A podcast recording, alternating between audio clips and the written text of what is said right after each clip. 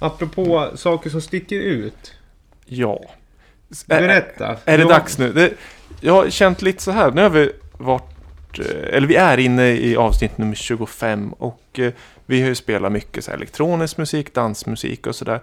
Eh, Och det, är- det är ju roligt. Men jag, känner, jag har ju mitt musikaliska spektra är ganska brett sådär. Jag kanske känner att jag har inte riktigt fått eh, visa upp hela mitt spektra. Eller inte visa upp. Jag har, eh, jag har hållit tillbaka lite. Så därför tänkte jag att jag skulle introducera ett nytt segment som jag ska ha i varje program. Och jag tänkte kalla det Slims smala skiva. Och då har vi en bumper till det. Ja.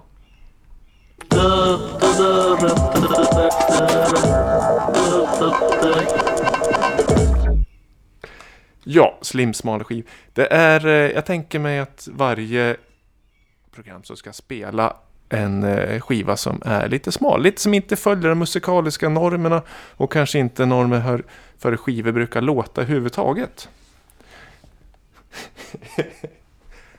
yes, och nu är första skivan igång.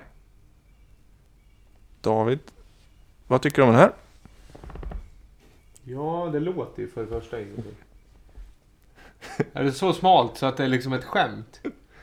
Är det det? Nej. Alltså skämt är det väl inte. Det, du kan ju ta upp eh, fodralet och se. Ja. Nej, nu, nu är det en annan låt som gick igång. Alltså det är din dator. Det var, Vi kör om det där. nej, nej, låt det, låt det rulla. Ja. Eh, nu lyssnar vi på eh, Slims smala skiva. Den är samma år som skivan innan vi spelade. 1985 alltså. Ja. Ja, det är ju ganska tyst. Det är Mm. det första man slås av.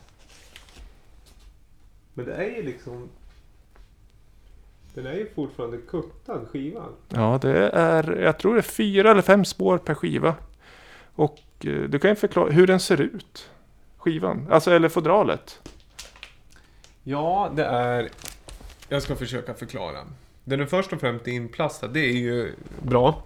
Det är en man som står på en, mot en svart bakgrund och sen är det en liten eh, linje som går runt hela skivans ytterkant. Eh, man skulle kunna säga att den går ungefär 8 mm infälld. Eh, mannen som står på framsidan har en kostym med ganska dålig passform. Två knappars knäppning är det, varav den översta är knäppt, den undre är inte knäppt. En liten näsduk i vänstra, eh, ja själva fickan på kavajen då.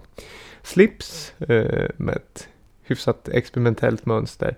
Och nu kommer det mest spektakulära, att över sitt huvud så har han eh, en vit strumpa, eller han är helt vit, ja han har eh, maskerad. Ja men som så här one, vad heter det, one piece. Ja, precis. Fast han har kostym över. Ja, och sen så har han ett par glasögon och en liten Fedora-hatt.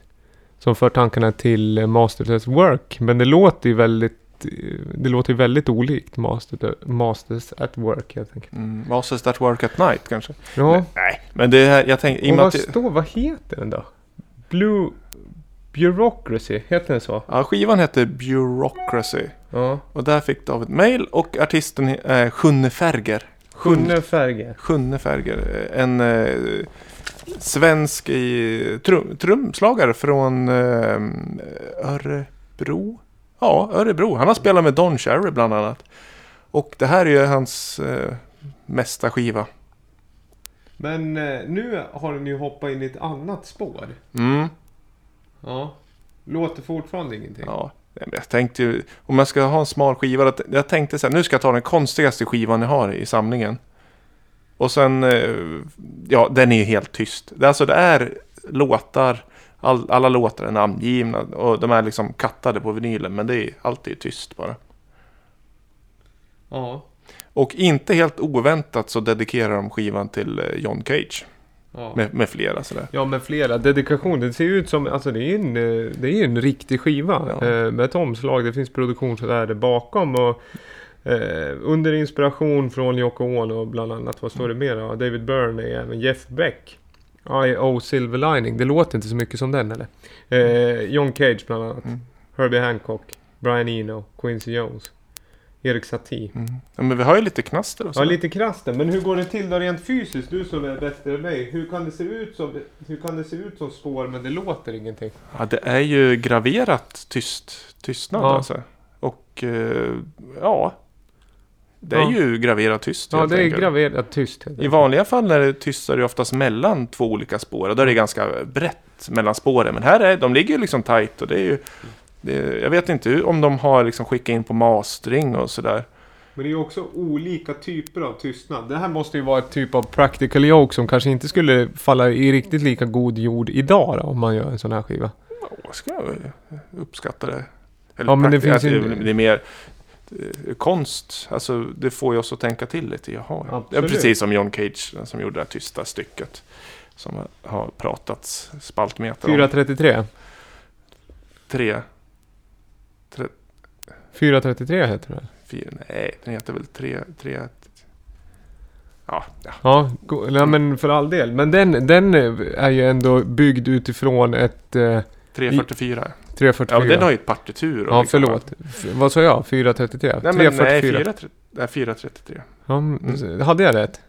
Ja, Vad heter det? Men den är ju ändå i original eller uruppförande gjort så att det finns en visuell eh, koppling. Att det sätter sig en pianist och öppnar locket men sen aldrig slår ner, aldrig kommer till anslag helt enkelt.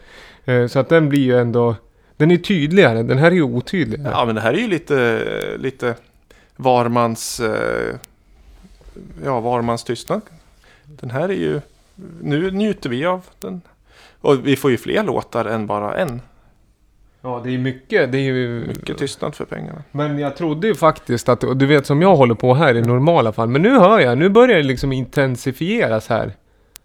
Nu börjar man nästan av utskilja någon form av rytm här i knäppningarna, eller? Ja, kanske blir det lite statisk elektricitet i det eftersom jag inte har någon antistatborste tillgängligt.